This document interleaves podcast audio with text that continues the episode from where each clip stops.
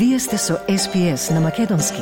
Слушнете повеќе прилози на sps.com.au козацрта на Седонин. Македонската економија се соочува со престанок на работата поради високите цени на енергенсите кои не може да ги поднесе. Цената на струјата на светските берзи се приближува до 1000 евра за мегават час, што би било погубно за македонското кревко стопанство. Ако крахира стопанството, ќе крахира целата држава во неможност да ги исполни своите обврски кон доверителите, кон буџетарите, кон пензионерите и така натаму, велат експертите.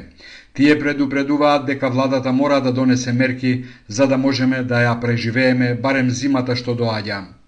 Експертите за некои медиуми сугерираат производните електроенергетски капацитети, конкретно електраните, дел од електричната енергија да пренасочат за стопанството кое троши меѓу 15 до 20 насто од потрошувачката на цела Македонија, а државата веднаш да ги стави сите производни капацитети во функција.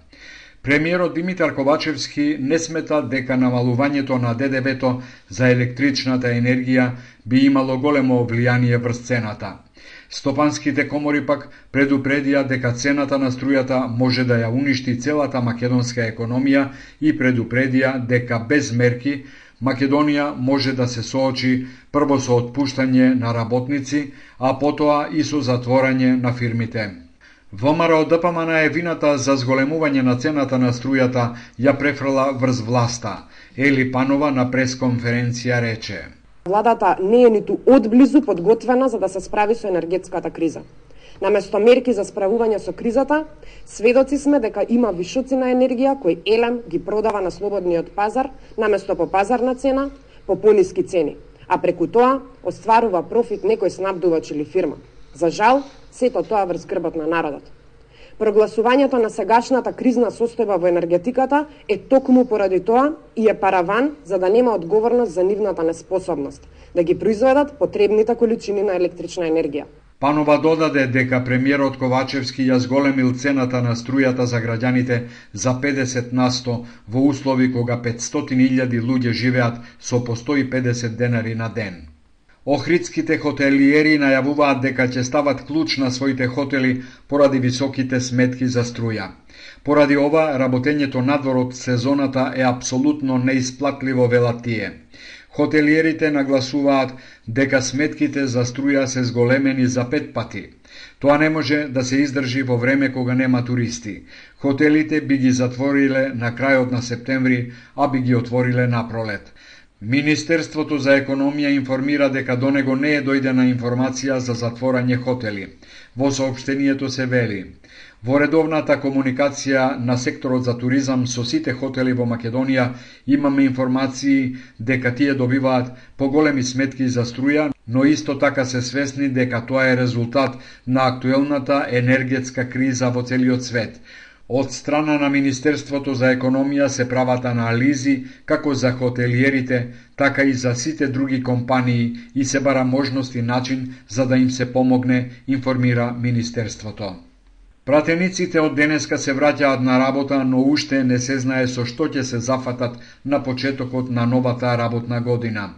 Планот за работа на законодавниот дом, председателот Джафери ќе го договара на координативен состанок со своите заменици и со координаторите на пратеничките групи, но и овој пат без ВМРО да ДПМНЕ.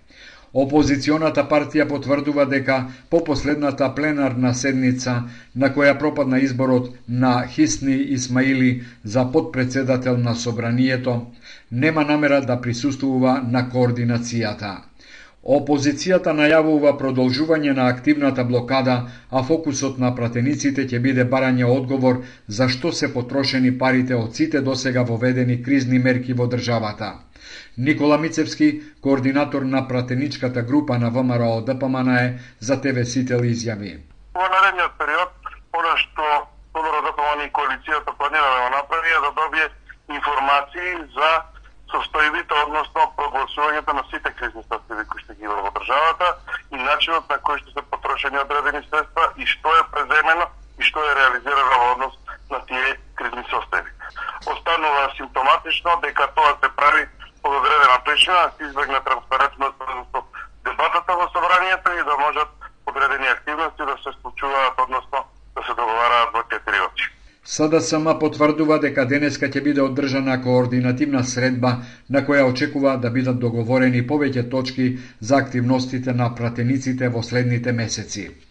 Народните избраници се враќаат на работа во период кога се очекува интензивирање на разговорите за отворање на Уставот. Опозицијата повеќе пати потврди дека нема да поддржи уставни измени за да се внесат бугарите во конститутивниот акт под вакви услови кои, како што вели, значат асимилација на македонскиот народ. Власта пак очекува, како што вели, разум од опозицијата и за важноста на уставните измени и за продолжување на енергетската кризна состојба, која ќе биде една од првите точки. Непознати сторители ги запалиле и ја стопиле пластичната реклама на клубот на античките македонци во бугарскиот град Гоце Делчев како еден постер. На местото на изгореното залепиле мапа на голема Бугарија. Председателот на клубот Иван Гаргавелов го открил ова завчера, а вчера го пријавил во полицијата. Клубот на античките македонци во Бугарија е една од двете македонски организации што беа регистрирани во 2019 година и од тогаш се во процес на одземање на регистрацијата, а во меѓувреме членовите биле викани три пати во полицијата и принудувани да го распуштат клубот. Гаргавелов за ТВ24 вели те не признаат македонци, македонци не трябва да признаат българи в никакъв случай.